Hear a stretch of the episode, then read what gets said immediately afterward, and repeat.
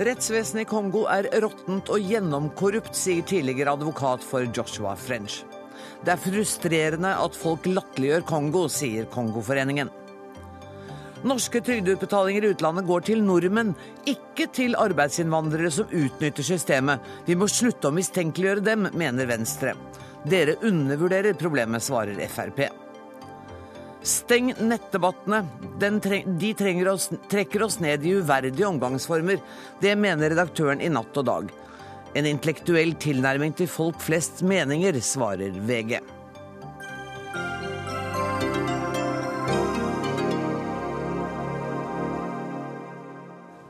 Dette er Dagsnytt 18-menyen denne tirsdagen, der vi også tar oss tid til å snakke om det fenomenet at 85 enkeltpersoner sitter på like mye rikdom som halve jordas befolkning til sammen. Det skal vi komme tilbake til.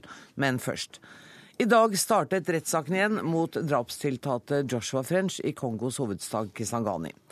I fengselet i Kinshasa har den drapstiltalte Joshua French for første gang fått forklart hva som skjedde den augustnatten i fjor, da Kjostov Moland ble funnet død på cella.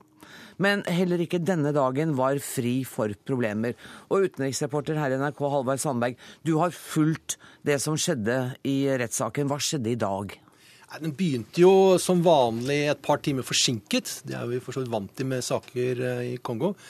Eh, men så var det ganske så mye spørsmål til eh, Joshua French om hvordan i alle verden er mulig at det han sier har skjedd, kan ha skjedd. Blant annet kom det jo frem at uh, Moland hadde en promille på 2,7. Uh, at de hadde drukket to flasker vodka sammen over noen timer. Og uh, dommerne var litt i tvil om en mann som var så berørt av alkohol, kunne gjennomføre det som han skal ha, skal ha gjennomført. Mm. Og så var det slik at det har kommet rapporter om at de har slåss i fengselet. At de har krangla. Eh, og George French sier at det er slåssing. Vi har ikke slått på hverandre, men eh, det, vi har kranglet. Og det er det sånn mellom venner som bor tett på hverandre over lang tid. Og eh, det så det ut som de, eh, de forsto, men de gikk igjen hvor mange ganger slåss dere, hvor alvorlig var den slåssinga. Og aktor, aktor, han dro litt på og sa at det, dere slåss jo hele tiden, bare sa han i, i rettssalen.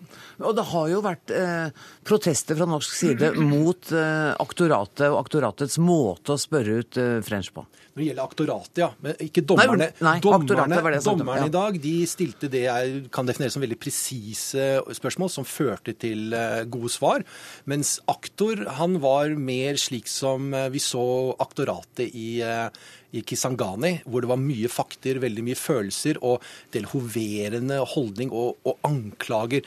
Og det var slik at eh, Den kongolesiske forsvareren ba ble fjernet fra rettssaken. At vi kan ikke ha en sånn mann som dette her som aktor. En aktor skal være uh, uhildet, han skal liksom føre en normal tone. Mens dommerne støttet ikke det synet, og, og aktor fikk lov til å være der. Dette er hans stil, sa de. Hvordan framsto French i dag? Han var jo opplagt mye friskere enn det han eh, fremsto som sist. Mm. Altså, han sto rakere og han eh, klart blikk. Og, men uh, Joshua French fremsto vanligvis som veldig, veldig sterk. Mm. Uh, altså en jernmann. Og han svarte presist på alle spørsmål. Han var høflig mot uh, panelet. og han nektet å svare på de spørsmålene hvor han syntes han hadde en god grunn til å nekte å svare på. Når skal rettsforhandlingene etter planen være fullført? Når denne planen skal være fullført. Det er eh, på det tidspunktet hvor den skal begynne igjen nå, altså nå til fredag. Nå på fredag. Mm. Tusen takk for at du var med i Dagsnytt 18, Halvard Sandberg. Morten Furuholmen, du er tidligere advokat for eh, Joshua French. Og du var forsvarer for Moland og French da de sto tiltalt for drapsforsøk og spionasje, bl.a. Er rettssaken som du får referert, og som pågår nå, kjenner du det igjen? Er det, er det identisk med det du opplevde? Ja, jeg, jeg, kjenner jo igjen uh, måten man uh, prosederer på, både fra aktoratets side og, og forsvarersiden. Jeg er ikke så bekymret for uh, om det er ledende spørsmål, eller om det er et engasjement som er litt uvant for, for, det vi er vant til her i Norge. Det som bekymrer meg, er jo domstolens uavhengighet. Og når det gjelder særlig innenfor det militære rettstribunalet, så er det all mulig grunn til å være bekymret for om dette er egentlig en uavhengig prosess som da ikke er styrt på en eller annen måte. Eh, det er det som er det bekymringsfulle, og det har jo vært et problem hele, hele veien i tidligere rettsinstanser. Hva bygger du den bekymringen din på? Nei, jeg bygger på Den, eh, den bekymringen bygger jeg på det jeg har opplevd i tidligere rettsrunder der nede, og at det er et et generelt problem, særlig innenfor militære tribunalet, at dommerne ikke er uavhengige eller upåvirket av eventuelt krefter innad i det militære systemet. Er det politisk, er det økonomisk? Er det Jeg tror at uh, her har det vært uh, mye økonomi i bildet. Det tror jeg har vært gjennomsyret hele veien. og Det viser også tidligere domfellelser hvor norske stat holdt økonomisk ansvarlig, hvor også idømt enorme erstatningskrav. Så jeg tror økonomi er et viktig, og det er også et viktig faktor når man skal vurdere uavhengigheten. For her er jo korrupsjon et stort problem i Kongo. Og jeg tror det er krefter innad i militæret som i stor grad styrer den prosessen. Hvor stor innvirkning har det på dem, eller hvor stort inntrykk på kongolesisk domstol gjør det at Norge er på høynivå med representasjon til stede i Kongo? Det har jo ikke tidligere vært så stort oppmøte av eh, norske representanter som nå. Eh, og jeg tror at det ytre presset kan kanskje være egnet til å reparere noen av de feilene og manglene som er innad i systemet. Men om det får noe betydning, det gjenstår å se. Det har ikke hatt noe særlig påvirkning tidligere. Er det sånn at hele, sånn som du kjenner eh, rettssystemet etter din erfaring med det, er det, er det gjennomkorrupt? Ja, det er gjennomkorrupt, slik jeg har opplevd det. og Jeg tror vi må ta inn over oss at vi forholder oss ikke til en stat som egentlig har, et, har en rettsstat. Altså, dette, er, dette er en dette er en, eh, en, nasjon som har store utfordringer, og de har eh, åpenbart ikke et fungerende eh, rettsstat. Og, og det er store problemer både i forhold til kompetanse og ikke minst uavhengighet. Det siste er et gjennomgående stort problem. Syns du at norsk presse og kommentatorer har hatt noen slags nedlatende holdning overfor rettsstaten og det kongolesiske samfunnet? Det, det, er veldig, det, er veldig, vanskelig, eller det er veldig lett å komme i en bås hvor man liksom blir arrogant og mm. ser ned på Eh, og sammenligner. På den annen side så kan man jo ikke sitte passivt og nærmest la en stat som har vært utsatt for overgrep tidligere, begå de samme syndene uten at man da reagerer og, og, og gi på en måte de handlingene legitimitet. Mm. Så, så det, er, det, er, kanskje en forklaring på at det, har, eh, at det står så dårlig til, men, men det, det legitimerer ikke handlingene, og det gjør ikke at vi kan forholde oss passivt. Jeg skal be dere ta på dere hodetelefonene, fordi vi skal snakke med Randi Solhjell, som er forsker ved Norsk utenrikspolitisk institutt. Og i en kronikk på Ytring så skriver du i dag at Kongo er mer enn Joshua French. Um, og du kritiserer uh, at den norske dekningen har bare fokusert på denne saken. Hvorfor det? Jeg mener jo at det skjer jo veldig mye eh, interessante ting i Kongo som jeg mener man burde dekke mye mer. Men nå driver jeg altså forsker på dette landet og den regionen, så jeg jo måte, har jo mine synspunkter på, på, hva som burde dekkes. Og spesielt med tanke på at det er såpass mange journalister som er i Kinshasa nå for øyeblikket. Så kunne man jo f.eks. ha tatt opp det attentatforsøket som skjedde omtrent samtidig som det var en titalls journalister fra Norge i Kongo. Mm. Eller at det er to millioner mennesker internt fordrevne i landet. Og at det fortsatt ja. foregår omfattende voldtekter av kvinner i Øst-Kongo. Helt klart. Men, og du skriver i kronikken din, så du reiser et spørsmål. Hvordan ville vi i Norge sett på saken dersom en drapstiltalt kongoleser krevde Erna Solbergs fulle oppmerksomhet og løslatelse mens det foregikk krig i Finnmark og en gjeng religiøse fanatikere begikk attentatforsøk mot den norske regjeringen? Syns du det er et passende beskrivelse av hvordan norske journalister oppfører seg i Kongo? Det er jo helt klart satt på spissen, og vi ønsker jo en større debatt rundt eh, medias dekning, også med tanke på at vi ønsker en bredere, eller en mer kompleks dekning av eh, afrikanske kontinentet. Mm. Eh, og det hjelper noen ganger, tenker jeg i hvert fall, å sette ting litt komparativt til en norsk sammenheng, så man sånn at det ikke blir for distansert eller for fjernt og på en måte si det som skjer i Kongo er helt håpløst, og her er det ikke noe rettsstat. Så, så, er det på en måte å sette det litt i politisk sammenheng i en norsk situasjon er jo ganske interessant. Bagoma Boranga, du er lektor og nestleder i Den norske Kongoforeningen. Jeg går ut fra at du ikke er veldig uenig med Solhjell? Jeg er ganske enig med Randi Solhjell. Ja. Så jeg syns den kronikken var veldig bra skrevet. For hvordan oppleves det å se eh, det bildet som tegnes av Kongo nå? Nei, eh, det har vært litt nedlatende eh, bilder som har blitt tegnet av Kongo. Og vi som er fra Kongo, vi veit jo at uh, ting ikke fungerer på samme måte som i Norge og Kongo. Men Kongo har en stat der vi har ledere som vi egentlig aldri har valgt. Vi valgte I 1960 så valgte vi Patrice Lumumba, eller det kongolesiske folket. Han ble drept med sterk påvirkning fra andre land, USA, Belgia osv. Eh, og siden så ble Mobutu innsatt, ikke valgt av folket, satt der i 30 år. Satt inn en eh, system som var veldig korrupt. Eh, etter Mobutu gikk bort, så har nå Kabila Josef tatt over. Heller ikke valgt av folket. I hvert fall valget som var nå i 2011, var det få valgobservatører som kunne godkjenne og si at dette var rettferdig for seg. Veldig upopulær president. Og derfor føler kongolesere at de ikke har fått valgt sine egne ledere, og det systemet uh, menneskene lever i, det er uh, systemet der de som har makt, de som har våpen, det er de som har kommet til makta, og ikke intellektuelle eller de som kan være med å bygge landet. Men samtidig så er du da litt enig med Furuholmen i at det er mange ting ved systemet som svikter? Ja, og eh, det skulle bare mangle. Når et land har vært eh, ledet av en brutal diktator i over 30 år, mm. Mobuto, støttet av Vesten, eh, en av USAs nærmeste allierte Det har noe med den kalde krigen og han var mot kommunismen osv. Men Vesten visste hvilken retning Mobuto førte landet. Samtidig så støttet de han. Og etter det, etter Mobutu, så har det bare vært krig invasjon fra nabolandet Rwanda og Uganda. Eh, det har også vært veldig tydelig fra invasjonen begynte i 96 og en ny krig i 98, som blir kalt borgerkrig. Men senere rapporter som har kommet ut eh, gjerne fra 2010, 2011, 2012, så har det jo kommet fram det kongolesere har sagt hele tiden. At dette er invasjon fra Rwanda og Uganda. Det er de som kom inn med sine hærer. De har støttet også opprørsgrupper osv. Og, så og landet er i en såpass kaotisk situasjon, så vi kan ikke forvente noe mer eh, enn det vi ser når vi snakker om rettssystem osv. i Kongo. Ja. Kan jeg bare helt til slutt kort spørre deg, er kongolesere opptatt av denne rettssaken? Nei, eh, de er ikke det. Jeg er aktiv med på et kongolesisk nettsamfunn der vi skriver om, eller leser og skriver om, debatterer hva som foregår i landet. Og eh, Da det ble litt skrevet om den saken, det var da gutta ble flytta fra Kisangani til Kinshasa, så så jeg noen av ungdommene kommenterte det på nettet. Utenom det så har det ikke vært oppe i det hele tatt. Når jeg er i Kongo, er det få mennesker som veit om denne saken i det hele tatt. Mm. De som veit om det, eh, de er eh, litt kritiske til eh, Ja, de mistenker faktisk mm. at Norge også var en del i det pga. Okay. ID-kort fra norske militære osv. Det er den forklaringen jeg får høre av kongolesere.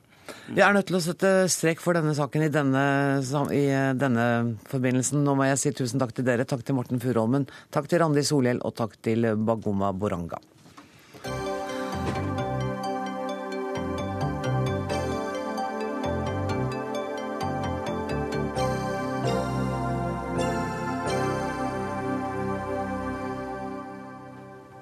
Regjeringens forslag om å gi fastleger reservasjonsrett i abortsaker har som ventet skapt politisk storm.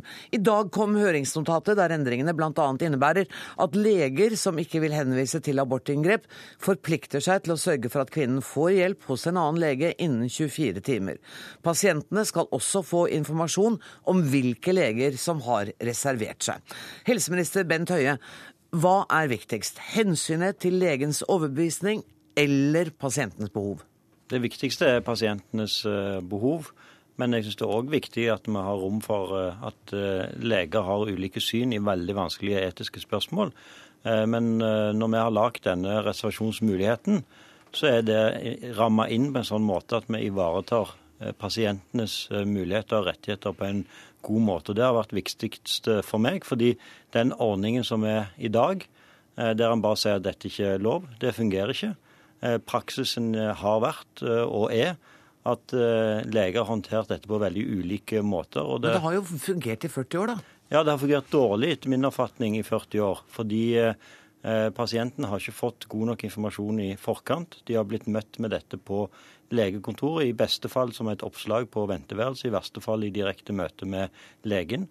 Så det systemet som den forrige regjeringen etablerte på dette området, etter først i 2009 har sagt at det er helt greit at leger reserverer seg. Eh, så de, sa de at det ikke er greit allikevel. Men praksis viser at det ikke har fungert. Nå får vi et eh, system som ivaretar pasientens rettigheter, både til informasjon i forkant, skifte fastlege, og ikke minst sette kommunen i den sentrale rollen de har, for det er de som har ansvaret for legeordningen i Norge. For det er jo vanskelig, det, det sier dere også i det høringsnotatet som er sendt ut i dag, vanskelig å få en oversikt over hvor mange leger som reserverer seg. Vet du nå hvor mange det er i landet? Nei, det vet vi ikke. Men... Er ikke det bekymringsfullt? Jo, jeg syns det er bekymringsfullt at pasienter i dag eh, ikke har muligheten til å få oversikt over dette. Nå med dette nye systemet, så vil en, eh, når en klikker seg inn på, eh, på helsenorge.no, på min fastlege, finne oversikt over hvilke leger som har benytta seg av denne reservasjonsmuligheten. Der vil en òg ha muligheten til å bytte fastlege på en enkel måte. Og hvis en får en fastlege som har reservert seg, så vil en i tillegg få et brev hjem i posten som forteller om det. Lene Vågslid, dette høringsnotatet om disse forskriftsendringene, som er det det er, um, sier jo at de ivaretar kvinnene ved at kvinnene da i løpet av 24 timer skal være henvist til en annen lege som uh, kan gi dem uh, den henvisningen. Og de skal også ha muligheten til å kunne dra til sykehuset uten henvisning fra fastlege. Er ikke, det, er ikke alt ivaretatt da?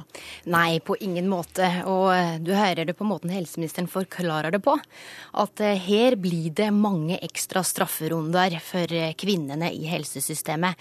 Jeg tror faktisk at Bent Høie kanskje er den første helseministeren som nå legger fram forslag som kommer til å gjøre det vanskeligere for pasienter, i dette tilfellet kvinner, å få sine rettigheter oppfylt. Eh, det bekymrer meg at eh, helseministeren og regjeringen åpenbart tar eh, legens parti, altså den sterke parts parti i denne saken, og ikke kvinnenes parti. Det har ikke vært noe eh, rungende rop fra norske kvinner om at nå må disse legene få reservere seg. Tvert imot har det kommet veldig tydelig fram, det siste halve året kanskje, at de plassene der enkelte fastleger bryter loven, så ønsker folk at helseministeren rydder opp. I stedet for å gjøre det, så vil en da tillate denne praksisen. Og det blir egentlig det samme som om at noen kjører for fort på ei veistrekning. Så er reaksjonen at du setter opp fartsgrensa og regner med at det er til det beste for de som går langs veien. Eh, det er ikke slik det funker. Og dette er en veldig gammeldags eh, løsning, og en, etter min mening en veldig dårlig idé. Jeg syns at Lene Vågslid bilde med fartsgrenser er veldig godt. Den forrige regjeringen prøvde seg med å sette opp fartsgrenser. Det er en ordning som bare fungerer på papiret, ikke i virkeligheten. Det vi nå gjør, det er å sette og bygge kraftige fartsdumper for å tvinge fastlegene inn i en ordning som innebærer at pasienten sine rettigheter blir ivaretatt. En kan vel snakke veldig fint om det som Arbeiderpartiet prøvde på, men praksis har vist at dette ikke fungerer for kvinnene. I dag er det sånn nå, i dette øyeblikk, og det har det vært òg under hele den rød-grønne regjeringen, at leger reserverer seg mot henvisning til p-piller, innsettelse av spiral, eh, henvisning til abort. Det er et mulder av ulike ordninger, og kvinnene får ingen informasjon. Nå vil dette bli for det første klar informasjon. En setter kommunen i den sentrale rollen de skal ha, om å ha har ansvar for fastlegeordningen. Det betyr at kommunen vil ta stilling til vil vi ha dette i vår kommune. Hvordan skal vi sikre innbyggerne i vår kommune et godt alternativ? Og hvis de ikke kan sikre innbyggerne i kommunen et godt alternativ, ja, så har de heller ikke muligheten til å inngå den type avtale. Og det har han jo rett til, for i denne forskriften så er det jo presisert at denne gjelder abort. Det gjelder ikke innsetting av spiral, det gjelder ikke aktiv dødshjelp, det gjelder ikke eh, bistand med kunstig befruktning. Altså de, de begrenser jo denne eh, retten til bare dette ene inngrepet. Ja, og jeg er veldig glad for jeg, at eh, Bent Høie og helseministeren har vært så tydelig som han har vært i forhold til de fastlegene som har nekta å sette inn spiral, eh, skrive ut p-piller. Derfor er det så skuffende at en ikke kan greie å være like tydelig når det gjelder noe så viktig som abort. Vi har jo sett flere eksempel av eh, jenter òg som har stått fram og sagt hvordan de opplever dette her. Og for Arbeiderpartiet så handler jo dette her om, det handler om pasientene. Mm. Å sette dem i sentrum. Og jeg har lyst til å spørre helseministeren høyt, for jeg er litt nysgjerrig da på hvordan dette skal løses i, i praksis. Eh, hvis ei jente på ja, 15-16 år eh, ufrivillig blir gravid, så veit vi, kan tenke oss i hvert fall hvordan sårbar og vanskelig situasjon hun er i. Hva skal hun da gjøre hvis fastlegen hennes har da bestemt seg, og da får lov til det, å reservere seg. Jeg syns det er veldig spesielt å skulle si til unge jenter at nei, da er du så heldig at du har fått en utvida rett, så du kan ringe til helseøkonomiforvaltninga og skaffe deg en ny fastlege.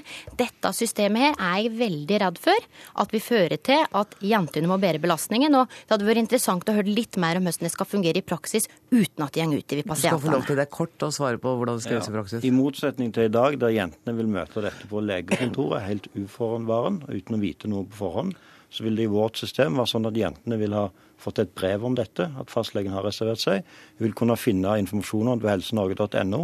Og ikke minst så har vi sagt òg at vi skal informere godt om at jenter, og da spesielt i den aldersgruppen der, de har ikke noen grunn til å gå til fastlegen hvis de, hvis de føler seg usikre på f.eks. om det betyr at foreldrene får informasjon. Da kan de heller oppsøke skolehelsetjenesten og få veiledning der til å henvise seg og gå direkte til sykehuset og få utført aborten der uten å involvere fastlegen. Men jeg må spørre, for det er mange som snakker om at dette er en politisk hestehandel. Og dette med reservasjonsrett har jo ikke vært noen hjertesak for Høyre. Det er ikke noen sak dere har kjempa for. Hvor, hvor langt har dere latt dere presse av Kristelig Folkeparti her? Hvor hardt har det presset vært? Det, det er ingen tvil om at eh, både jeg og Høyre var imot reservasjonsrett sånn som den var praktisert, der Ja. den enkelte lege selv definerte innholdet uten å informere pasienten. Eh, Det, eh, men det, så hadde vi en forhandling med Fremskrittspartiet og, og KrF. De var for en reservasjonsrett, men Legeforeningen sitt landsstyre viste egentlig vei på hvordan en kunne finne en løsning som på den ene siden ivaretok først og fremst pasientene sine rettigheter, men òg ivaretok de legene som hadde et ønske om å reservere seg, spesielt når det gjaldt abort. Den veien der er det vi har nå videreutvikla, og jeg har vært mest opptatt av å sikre pasienten sine rettigheter. Jeg mener vi har funnet en god løsning på det. Så Du har vært mer opptatt av det enn å sikre en regjeringsplattform med Kristelig Folkeparti? Nei, altså Vi har jo vært selvfølgelig opptatt av å sikre regjeringsplattformen, men regjeringsplattformen endra nettopp dette. Fordi den regjeringsplattformen sier reservasjonsmulighet, og vise til den veien ut av dette som Legeforeningen òg har pekt på. og Det var òg grunnen til at Høyre kunne gå inn på denne avtalen. Så har dette òg vært et omdiskutert spørsmål i Høyre. Kristin Clemet har jo vært en varm forsvarer for eksempel, av reservasjonsretten. Så dette handler om Hvis du er et, et liberalt, eh, har et liberalt syn på verden, så forstår du at dette ikke er et enkelt svart-hvitt spørsmål. Og Jeg syns ikke dette er et enkelt spørsmål, men jeg mener vi har funnet en god løsning som, som ivaretar etter min oppfatning det som er viktigst, nemlig pasientens rettigheter. Hva er høringsfristen her? Høringsperioden blir helt vanlig, tre måneder. Så får vi høringssvarene tilbake igjen, og så skal vi fremme dette som en sak til Stortinget. Det som er spesielt i den saken, det er at vi også i høringsnotatet beskriver i detalj hvordan forskriften skal være, sånn at òg dette er åpent ute til debatt. Og så er det Stortinget som bestemmer dette til slutt. Jeg må dessverre sette strek her, men i løpet av tre måneder kommer dere helt sikkert tilbake og snakker om dette. Tusen takk for at dere kom. Inn i studio nå kommer eh, vår eh, NRKs politiske kommentator Lars Nehru Sand. Er det, er det en ny abortdebatt vi har her nå, Sand? På en måte er det jo det, fordi at eh, det er nok av elementer av den klassiske debatt, eh, abortdebatten som gjør seg gjeldende, slik at mange av de samme følelsene og mekanismene eh, kommer opp. Men det er klart det er jo Det handler ikke om retten til abort, dette, men det handler om at mange har sett det som naturlig at man har lik rett til den samme eh, helsehjelpen eh, uansett hvor man er i landet, og at det nå blir da mulighet for noen leger og reservere seg mot en rettighet alle kvinner i utgangspunktet skal ha. Men så har man denne liv-død-dimensjonen som, som er viktig i abortkampen for mange. Det handler om personlig tro, overbevisning, eh, hos enkeltleger, som, som selvfølgelig også er en stemme i debatten. Men politisk sett, er det noe spesielt ved det kompromisset som her er inngått mellom Høyre på den ene side og Kristelig Folkeparti og Frp på den andre? Det er jo den dimensjonen ved det ved at man, man, sier at noen leger skal kunne ha en mulighet til å fravike den eh, generelle og allmenngyldige retten som, som, står i lovverket at alle skal ha. Men det er et klassisk kompromiss i den forstand at alle har litt grunn til å være misfornøyd, vel så mye som at alle har grunn til å være fornøyd. Fordi Kristelig Folkeparti får ikke gjennomslag for at dette skal kunne gjelde utskrivning av, av prevensjon og henvisning til assistert befruktning, som, som også i, i for noen av deres eh, leger og, og politikere vil handle om, om, det å tukle med skaperverket eller gjøre Ja, det å gjøre det. Så de vil være misfornøyde av den grunn. Eh, og så er det et, eh, en dårlig løsning i den forstand at man ikke får denne rettigheten som enkeltlege til å faktisk kunne være den lille lege som får en, en rettighet. Mm. Men man er prisgitt at man bor på et eh, sted som tillater at man seg, kan benytte seg av muligheten, og at man har et kommunestyreflertall som tillater at denne muligheten blir reell. Helt til slutt, eh, Dette er jo et diskusjonstema i Høyre og i Fremskrittspartiet. Kommer partiene til å bruke pisken her for å sørge for at eh, dette forslaget går gjennom? Dette er en så eh, viktig del av denne samarbeidsavtalen mellom regjeringspartiene og, og Kristelig Folkeparti at eh, det vil være rart om man ikke er svært garantert at dette går igjennom når det kommer til Stortinget. Tusen takk for at du kom, Lars Nehru Sand. Mens du er på vei ut døra, skal jeg bare få lov å fortelle at om noen ganske få minutter, ca. tre minutter, så overtar Sporten her på NRK2. Men eh, du kan selvfølgelig følge oss videre på P2 og på nrk.no.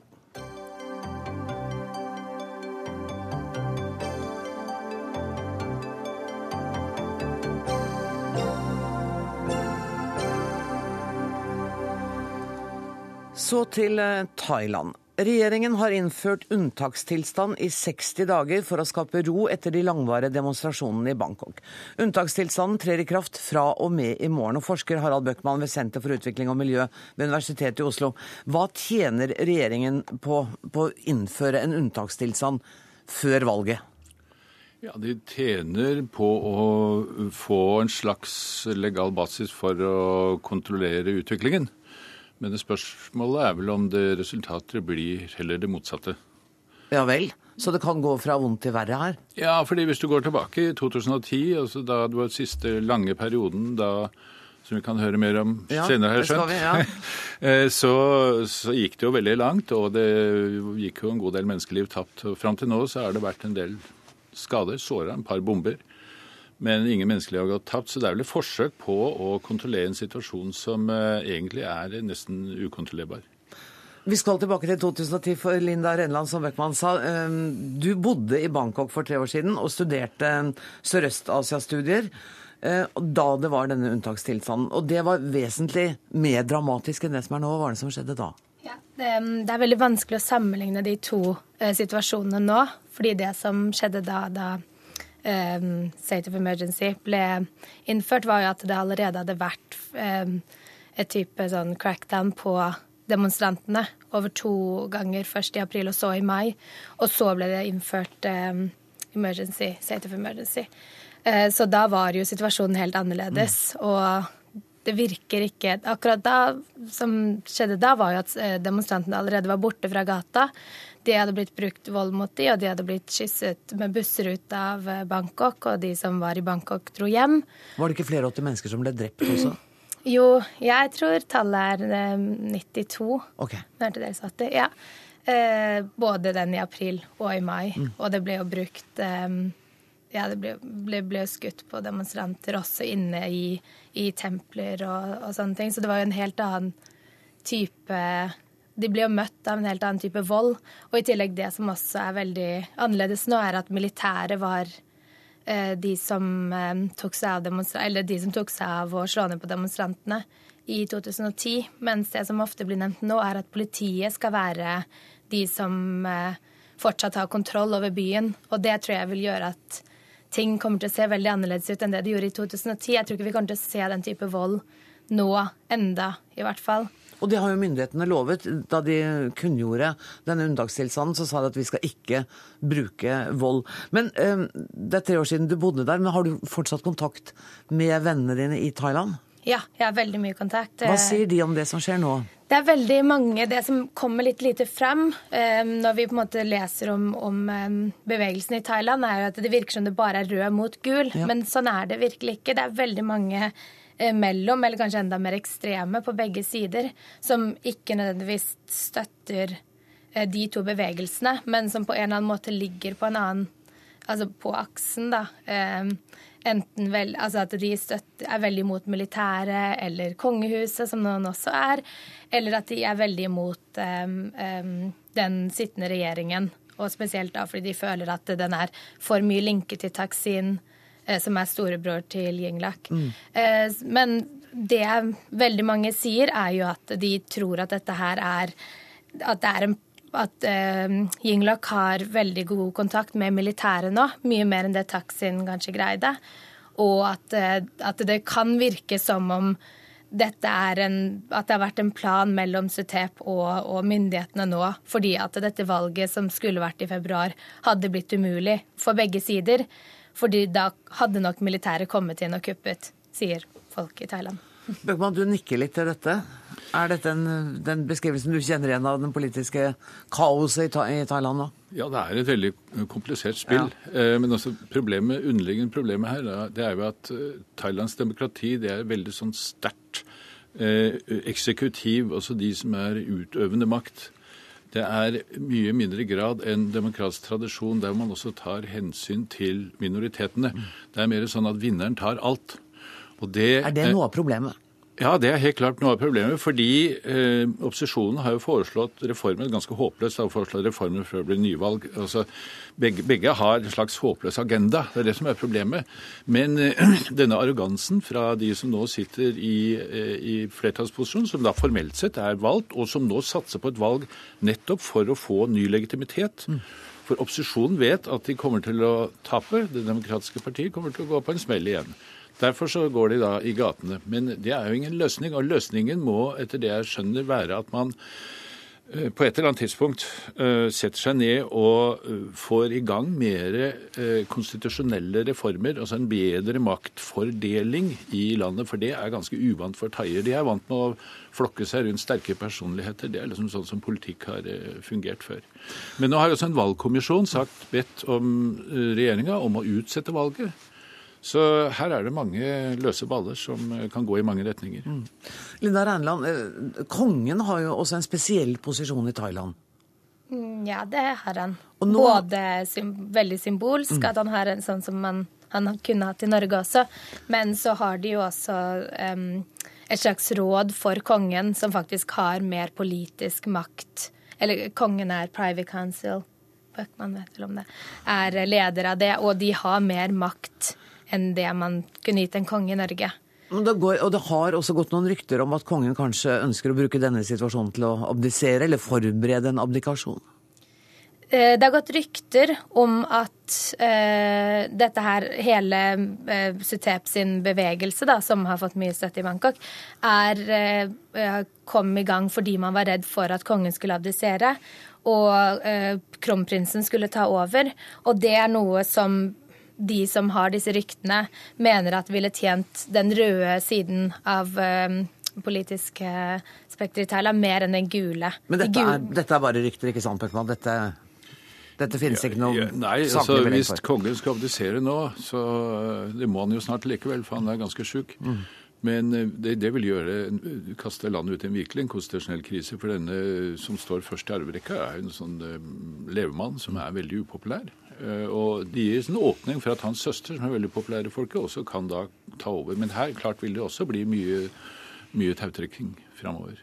Og eh, bare helt kort til slutt, Du er ekspert på Myanmar. Det er klart Myanmar følger godt med på hva som skjer i Thailand. og hva, Hvordan vurderer de militære der det, tror du? Ja, nei, nettopp. Altså, jeg er ganske bekymra for hvordan denne utviklingen i Thailand vil ha en negativ eh, innvirkning på den spektakulære eh, utviklingen som har vært ja. i, Burma. Fordi de militære kan godt komme og si det kan dere se. Demokrati det betyr kaos. Det er bedre at vi styrer. Så det, det er, kommer veldig ubeleilig. Det gjør det. Og det kommer helt sikkert ikke til å være helt ro i Thailand, selv om det er gått 60 dager med unntakstilstand. Tusen takk for at dere kom til Dagsnytt 18, Harald Bøckmann og Linda Reinland.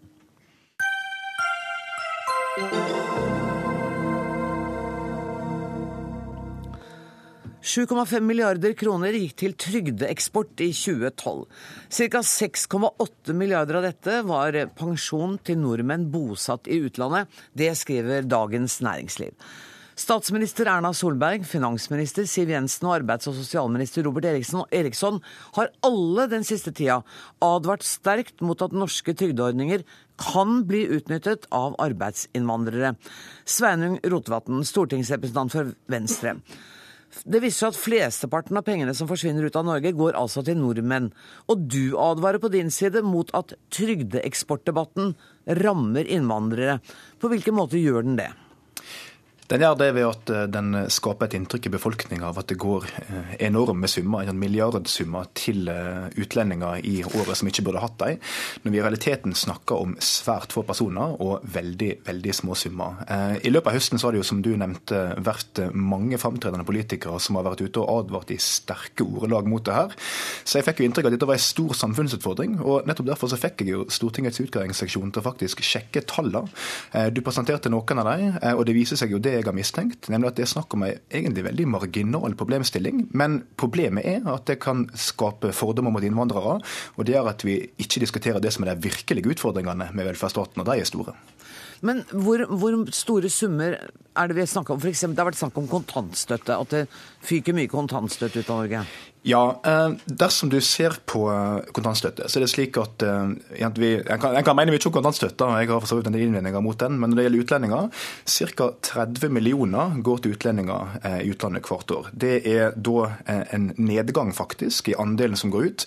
Og det er ikke snakk om mer enn de summene vi gir til én familie i Norge i året. Det er riktignok en familie som er bosatt på Skaugum, men det sier likevel noe om, om dimensjonene her. Og når til og med andelen som går ut, går ned, så mener jeg at da har vi helt andre utfordringer å snakke om. F.eks. Eh, AFP, sykelønnsordninga vår, eller alle de andre ordningene som koster milliarder i året, og som reelt sett er utfordrende når det gjelder for folk til å delta i arbeidslivet. Stortingsrepresentant for Fremskrittspartiet og nestleder i arbeids- og sosialkomiteen Erlend Wiborg. Eh, har dere tulla med tallene? Nei, ikke i det hele tatt. Eh, fordi tallet er totalt sett voksende eh, hvert eneste år. Og det er en utfordring eh, når vi også har grunn til å tro at dette kommer til å fortsette, hvis ikke man eh, nå setter inn tiltak. Og så må man skille mellom et par ting. Det at eh, mennesker som har gjennom et langt liv opptjent sin pensjon, om de da ønsker å bruke sin egen pensjon i utlandet, er det helt uproblematisk. Men det som er utfordringen, er at eh, vi har altfor mange, og det øker, som mottar kontantstøtte, barnetrygd, dagpenger osv., som ikke bor i Norge. Og det er ikke intensjonen med de ytelsene. Men er de, er de gale, de tallene jeg oppga? 7,5 milliarder kroner totalt i trygdeeksport. 6,8 milliarder av dette går til nordmenn i utlandet. Ja, og Det viser at flere hundre millioner kroner i dag bruk, eh, går ut av Norge i forhold til ytelser som var ment for folk som bor i Norge. Men er ikke EØS-avtalen en del av dette komplekset som gjør det faktisk mulig for folk helt rettmessig og uten å være kjeltringer å få denne type rettigheter ja, i Norge? Det er jo ikke intensjonen at norske velferdsgoder skal gå til mennesker som, bor, eh, som ikke bor i Norge. Da er det viktig at vi strammer inn og sørger for at de velferdsgodene vi har, de skal i all hovedsak gå til norske statsborgere og folk som jobber og bor i Norge, ikke eh, til folk som ikke bor i Norge. Rotevatn, det er ikke småbeløp, som du sier. Du sier at det er, det er å sammenligne med en desimalfeil i, i, statsbudsjettet, men det er mye mer, sier Wiborg.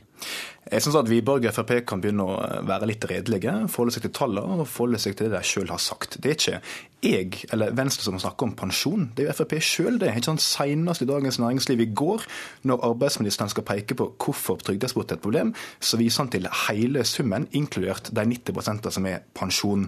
Og så nevnte Wiborg dagpenger, at eksport av det er et stort problem. Totalt sett så bruker en da 24 millioner kroner, ikke hundrevis av millioner, eh, på dagpenger til noen få utlendinger. Det er snakk om 0,22% av det vi totalt bruker på dagpenger. Og så er det ikke slik at eh, en, en skal ha et lettvint forhold til at en bruker offentlige penger på trygd, verken på utlendingene eller nordmenn. Men det som er problemet, er jo at når Frp, Arbeiderpartiet og Høyre skaper et inntrykk av at dette er et kjempestort problem, så er jeg veldig redd for at det kan føre til at en faktisk begynner å stramme inn ganske kraftig på de ordningene. Og Problemet med det er at da blir det vanskeligere å eh, få seg jobb i andre land i Europa. Det blir mindre arbeidsinnvandring. Og det er et stort problem. En av hovedutfordringene til Europa for å få opp igjen veksten er jo nettopp å få flere til å kunne søke seg jobb i andre land. Og jeg tror at alle de som har vært på et norsk sykehus, et norsk legekontor, en norsk eh, snekkerbedrift, vet det at vi er helt avhengige av å få folk til å komme til landet vårt og jobbe. Og de legger igjen masse mer her i skattepenger og arbeidsinnsats enn det små summene de henter ut. Jo, men nettopp Skal man nå akkurat det målet, da må man jo sørge for å ikke eh, ha helt åpne grenser i forhold til eh, norske velferdskoder. For da vil du uthule hele systemet hvis man ikke sørger for å stramme inn her eh, for å unngå misbruk, for å unngå denne eksporten. Det er jo akkurat da de norske velferdsgodene vil være under press. Eh, hvis ikke man tar disse grepene. Må du ikke da også gjøre noe med EØS-avtalen? Nei, for Utgangspunktet er én ting man kan gjøre, er som Brochmann-utvalget selv viser til. Det er at man bør gå noe bort fra kontantytelser eh, og over til eh, direkte tjenester. Det kan være ett grep. Men så handler det om eh, Jeg tror veldig få i Norge har forståelse for at deres skattepenger skal gå til eh, barnetrygd og kontantstøtte til barn f.eks. som aldri har vært i Norge, og som ikke vi har noe mulighet til å kontrollere i det hele tatt. Da må vi sørge for at uh, i størst mulig grad så skal norske velferdsytelser det skal være for folk som bor og jobber ja, i Norge. Det har du sagt. Er ikke dette et godt poeng, Rotevatn, at vi skal ikke ha barnetrygd til unger som aldri har satt sine bein i dette landet? Nei, det er ikke et godt poeng. For det er faktisk slik at dersom det kommer en arbeidstaker til Norge fra Sverige og begynner å jobbe på en norsk snekkerbedrift eller et norsk sykehus, så er jo de med å betale en skatt, sånn som alle andre som jobber i Norge. Eh, og da får de opparbeide seg etter hvert, ikke med en gang, men de vil opparbeide seg etter hvert en del rettigheter slik alle vi andre har. Jeg tror vi skal være glade for det at dersom Erlend Wiborg f.eks. bestemmer seg for å flytte til Danmark for å jobbe der, etter å ha jobbet et langt yrkesliv i Norge, så er det faktisk mulig å få overført noen pensjonsrettigheter. Eh, dette handler om å gjøre det enkelt eh, å jobbe og bo i mange europeiske land. Og så må vi ikke glemme det som jo er hele poenget med oppslaget i Dagens Næringsliv, og grunnen til at vi har debatten, er at for det første, regnskapet går solid i pluss. En legger igjen masse mer penger enn det en henter ut. For det andre, det er snakk om veldig, veldig små summer. Og for det tredje, når Frp viser til de milliardbeløpene de alltid viser til, så går 90% til nordmenn som nyter en velfortjent pensjonisttilværelse på solfylte strender i Spania. Men, men Rotevatn, investor Øystein Stray Spetalen uttalte til Dagens Næringsliv i sommer at Norge er og blir Europas største trygdekontor. Det var kanskje å ta munnen litt full, men er det ikke samtidig viktig å diskutere prinsippene selv om det ikke skulle være så veldig mange av dem? Jo det er alltid eh, viktig og riktig å diskutere det meste. Men jeg er mer opptatt av å diskutere det som er de store utfordringene vi har, ikke det som er de innbilte utfordringene. For så er det sånn at Norge har hele OECD-områdets høyeste sykefravær, bl.a. fordi vi bruker 30 milliarder i året på sykelønn. Det er seks ganger mer enn den totale trygdeeksporten, inkludert pensjon. Men det vil jo ikke Erlend Wiborg og Frp diskutere. De vil heller ikke diskutere eh, å gjøre endringer i pensjonssystemet, for da begynner de å diskutere ting som norsk norske velgere bryr seg om. og Da er det mye lettere å få alt fokuset over på utlendingene som kommer hit og tar velferdsgodene våre, selv om fakta viser at det ikke stemmer. Vet du Han vil gjerne det, men han får ikke lov akkurat i dag, for nå skal vi diskutere denne trygdeeksporten. Men og, Hvilke innstramminger er det dere har tenkt å komme med? Nei, Vi ser på eh, flere områder. Det ene som er innom, er å følge opp Brochmann-utvalget for å gå bort fra kontantytelser på der det er mulig. Så handler det også om i større grad å sørge for at norske velferdsgoder at de skal forbeholdes mennesker som bor og jobber i Norge eller norske statsborgere. Og så er det viktig å være helt klar på én ting som Rotevatn prøver å spille bort. Det går på alderspensjon. Det er, noe, det er ikke noe du får av staten, det er noe du har opptjent gjennom et langt arbeidsliv. Og da skal folk selvfølgelig kunne bruke det som de selv ønsker. Mens barnetrygd, dagpenger, eh, kontantstøtte, det er en ytelse man får, og vi kan ikke akseptere akseptere at eh, vi skal betale det til hele Europa. Noen av oss er glad for at dere ikke blander dere hvordan vi har tenkt å bruke alderspensjonen. Tusen takk for at dere kom, Sveinung Rotevatn og Erlend Wiborg.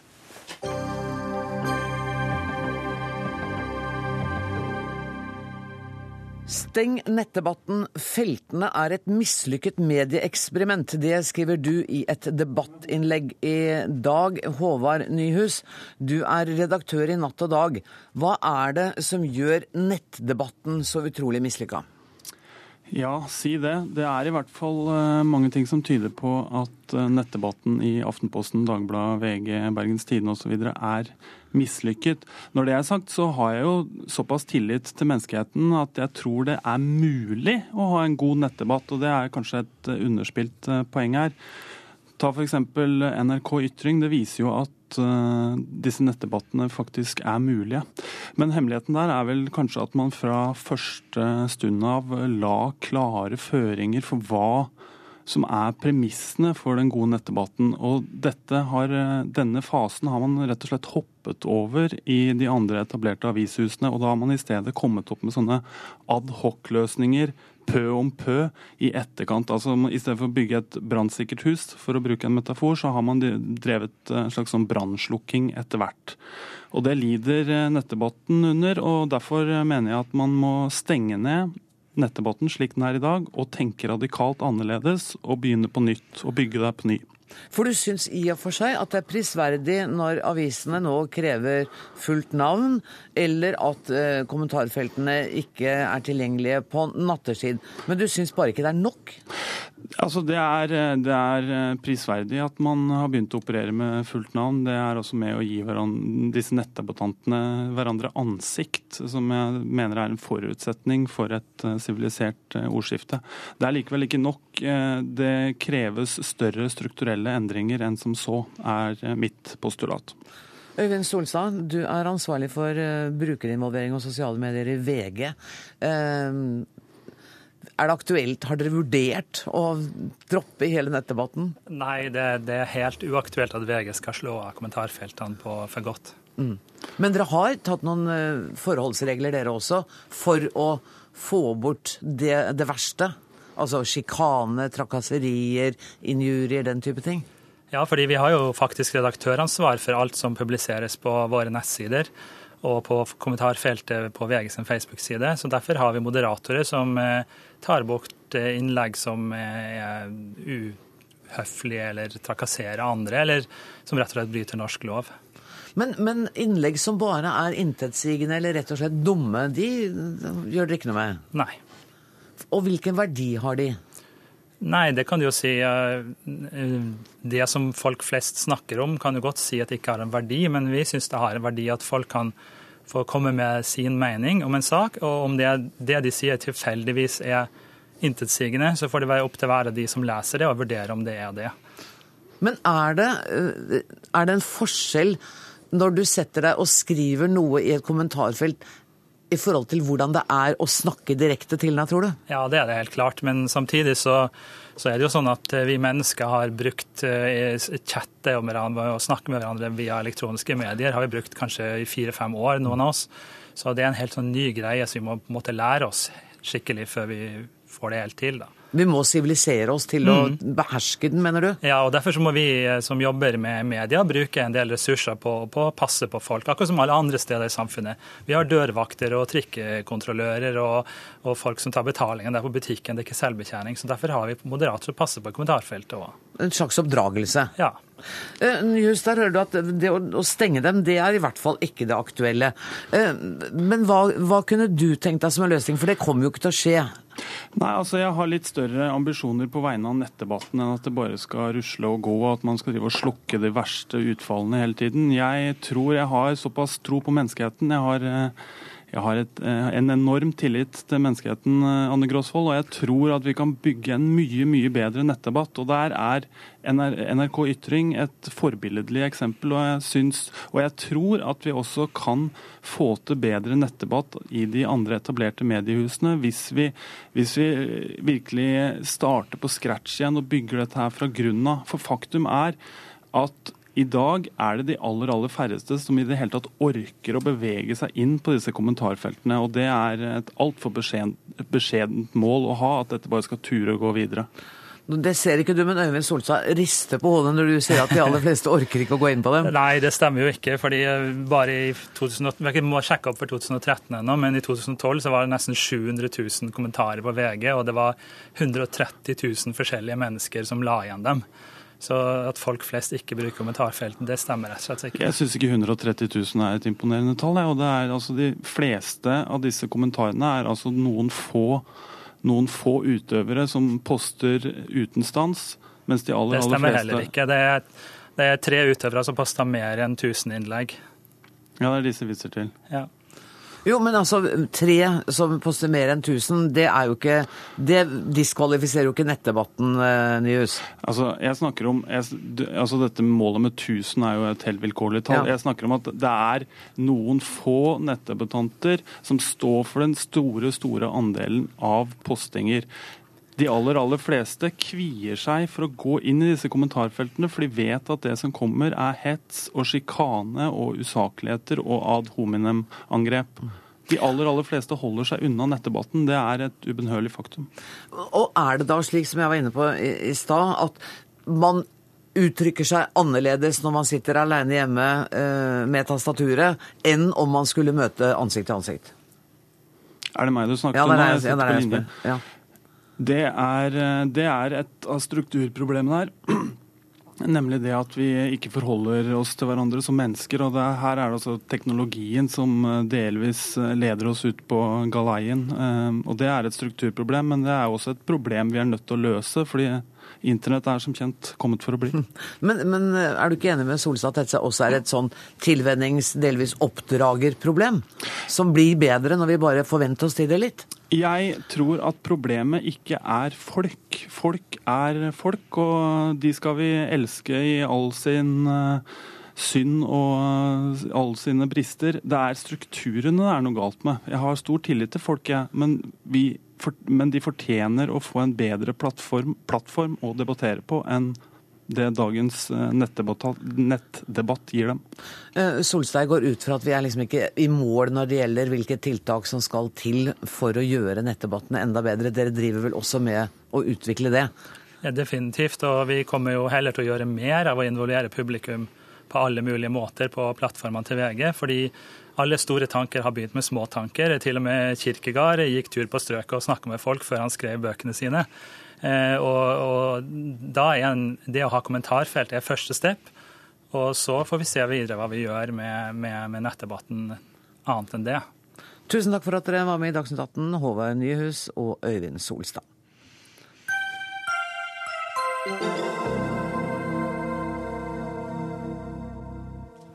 Forskjellene mellom fattige og rike blir stadig større, det viser en ny rapport. Den britiske utviklingsorganisasjonen Oxfam skriver at de 85 rikeste menneskene i verden kontrollerer like mye rikdom som halve verdens befolkning til sammen. Hva kommer det av, leder i Attakk Benedicte Prynær Hansen? Ja, Det er først og fremst en villa politikk. Det er politisk vilje som ligger bak. De siste tre tiårene så har man eh, gitt de rikeste eh, gjennomslag for det de har ønska. Lavere skatter på inntekter og formue. Man har gitt dem muligheten til å flytte penger over grensa uten reguleringer. Man har gitt dem muligheten til å flytte pengene inn i skatteparadis, hvor de kan skjule seg bak strengt hemmelighold og betale null eh, eller veldig, veldig lav skatt. Og det har, eh, det har ført til denne utviklinga de enorme økonomiske ulikhetene. Eh, og hvis vi ikke gjør noe med det veldig raskt, så vil det her forsterke seg og utvikle seg framover i flere generasjoner. Det vil fortsette å utvikle seg i samme hastighet. Det betyr at det kommer til å være stadig færre, enda rikere, og stadig flere som ikke har noen ting. Ja, hvis ikke vi eh, regulerer eh, finanskapitalen, eh, hvis ikke vi setter noen politiske reguleringer på de aller rikeste, f.eks. skattlegge kapital, som nesten ikke blir skattlagt i dag, hvis vi ikke får en stopper på skatteparadis og hemmeligholdet og den muligheten til å unndra hundretusenvis av milliarder. Det er ikke et tulletall. Det er over 130 000 milliarder kroner gjemt i skatteparadis verden over. Eh, Dette er en politikk som fører til økte ulikheter, og vi er nødt til å gjøre noe med det raskt. Ellers så vil det fortsette. For litt under en time siden så åpnet eh, World Economic Forum i Davos. Konferansen samler politikere, næringslivsfolk, investorer og kjendiser til den sveitsiske alpebyen. Og årets tema er omformingen av verden da er jo de, dette problemet som vi snakker om her nå, vil jo være et tema der også, vil det ikke det? Ja, De har jo varsla at økonomiske ulikheter, økende økonomisk ulikhet er ett av de største truslene mot samfunnet vårt i dag. Men samtidig, jeg har eh, tatt en kikk på programmet, det er jo veldig veldig få løsningsforslag som ligger på bordet. Eh, F.eks. er skatteunndragelse, altså kampen mot skatteunndragelse fullstendig fraværende. Eh, og da skjønner ikke jeg hva eh, de ønsker å gjøre. Jeg tviler på at Verdens økonomiske forum ønsker å gjøre noe med denne utviklinga. Eirik Løkke, rådgiver i Civita. 85 mennesker eier like mye som halve jordas befolkning til sammen. Er det et problem? Det er i hvert fall et større problem at så mange mennesker opplever ekstrem fattigdom, og ikke har tilgang til de helt mest basic nødvendighetene som vann, medisinsk eh, nødvendig behandling og den type ting. Så er jeg mindre opptatt av at det er 85 og sikkert enda flere som har ganske mye milliarder. Det store problemet, som den rapporten til Oxfam viser eller illustrerer etter min mening, er at det er altfor mange fattige i denne verden, og det er det man først og fremst på å adressere, så er det et mindre problem at Bill Gates og Warren Buffet har tjent opp en god del milliarder. Men, men antyder ikke Oxfam-rapporten også tiltak eh, som vil ramme de aller rikeste? Jo da. altså Oxfam har jo sin virkelighetsforståelse av hva som er problemet, og at eh, det er et problem at noen er så rike, spesielt måten de eh, påstås å bruke denne, bruke denne rikdommen på. Syns du det er et problem? Jeg syns ikke at det er et stort problem at, tjent, at, noen få har tjent opp veldig mye penger. Som sagt så syns jeg det største problemet er at så mange mennesker opplever fattigdom. Nå er det jo grunn til å nyansere litt av virkelighetsbildet her. Eh, for hvis man leser offisielle tall fra FN og Verdensbanken, så viser jo den at utviklingen går i riktig retning. Altså De siste 50 årene har man sett en enorm reduksjon av eh, fattigdom. Og mye tyder på at 2012 og 2013 var det beste Eh, året i menneskets eh, historie med tanke på reduksjon av fattigdom. Eh, at det aldri har vært så høy leve, gjennomsnittlig levealder i verden, at barnedødeligheten går ned, og alle disse Eh, indeksene som viser at man er på riktig vei. Det er eh, positivt, og det tror jeg er mye viktigere enn at det er noen få som har tjent opp veldig mange milliarder. Men, men det Oxfam også peker på, er jo at man henstiller til de aller rikeste å ikke unndra seg skatter, som, de, som mange gjør, uten at man er beskyldende, men men det er et stort problem. Og, og det viser også at eh, i, i løpet av de siste 30 årene så er det økte skattelettelser i 29 av 30 land. Mm, mm. Altså, ingen er for skatteunndragelse. Eh, og det er selvfølgelig viktig at eh, land har systemer som gjør at man ikke kan gjemme bort penger. Eh, at det er viktig å bekjempe skatteparadiser hvor du både har organisert kriminalitet og andre skjuler penger. Det er ingen imot. Men det store hovedproblemet her, sånn som jeg ser det, er at du har altfor mange som er fattige. Mm. Ikke det at eh, Ingvar Kamprad har tjent opp masse milliarder på å selge Ikea til folk flest, eller at Warren Buffet og Bill Gates har blitt rik på å selge produkter som, som folk ønsker. Det er mindre problem enn at du har så mange fattige. Men virkelighetsbeskrivelsen av fattigdomsproblemene, den er du enig med Ataki, og Ataki er enig med deg, ikke sant? Det er det store problemet. Ja, men altså Ivar Kamprad, da, som eh, grunnla Ikea, han har jo tjent seg rik fordi han har brukt skatteparadis. Eh, og kampen mot Nå er jo ikke han her til å forsvare seg, nei, da. Så... Nei, men det er veldig kjent. Men, men, så er det sånn at, eh, Og det gjør de aller fleste store multinasjonale selskapene. Og det gjør de aller fleste rike enkeltpersoner. Bruker skatteparadis for å øke sin egen formue. Men kan vil legge skylda for verdens fattigdom på 85 ekstremt rike mennesker? Ja, det kan vi gjøre. Vi har stirra oss blind på de aller fattigste og trodd at vi har klart og skal kunne klare å bekjempe fattigdom ved å kun eh, se på de fattige. Men vi har, sett, vi har, kun sett på fattigdomsreduksjon, men vi har ikke sett på fattigdomsproduksjon. Hva er det som produserer fattigdom? Og Vi kan ikke se på de fattige uten å se på de rike. Eh, og vi trenger en kraftig omfordeling i samfunnet. Og Det må vi gjøre gjennom å regulere muligheten til å flytte penger eh, dit eh, hvor man måtte ønske, hvis man har muligheten til det. Det må vi gjøre gjennom å skattlegge kapital, som ikke skjer i dag. Og det må vi gjøre gjennom eh, å eh, kontrollere banksektoren. Eh, kutte ned de bankene, stenge ned de bankene som er, nei, dele opp de bankene som er for store. Men er ikke det bare å overføre pengene fra enkeltpersoner til stater, sånn at statene sitter og, og skattlegger?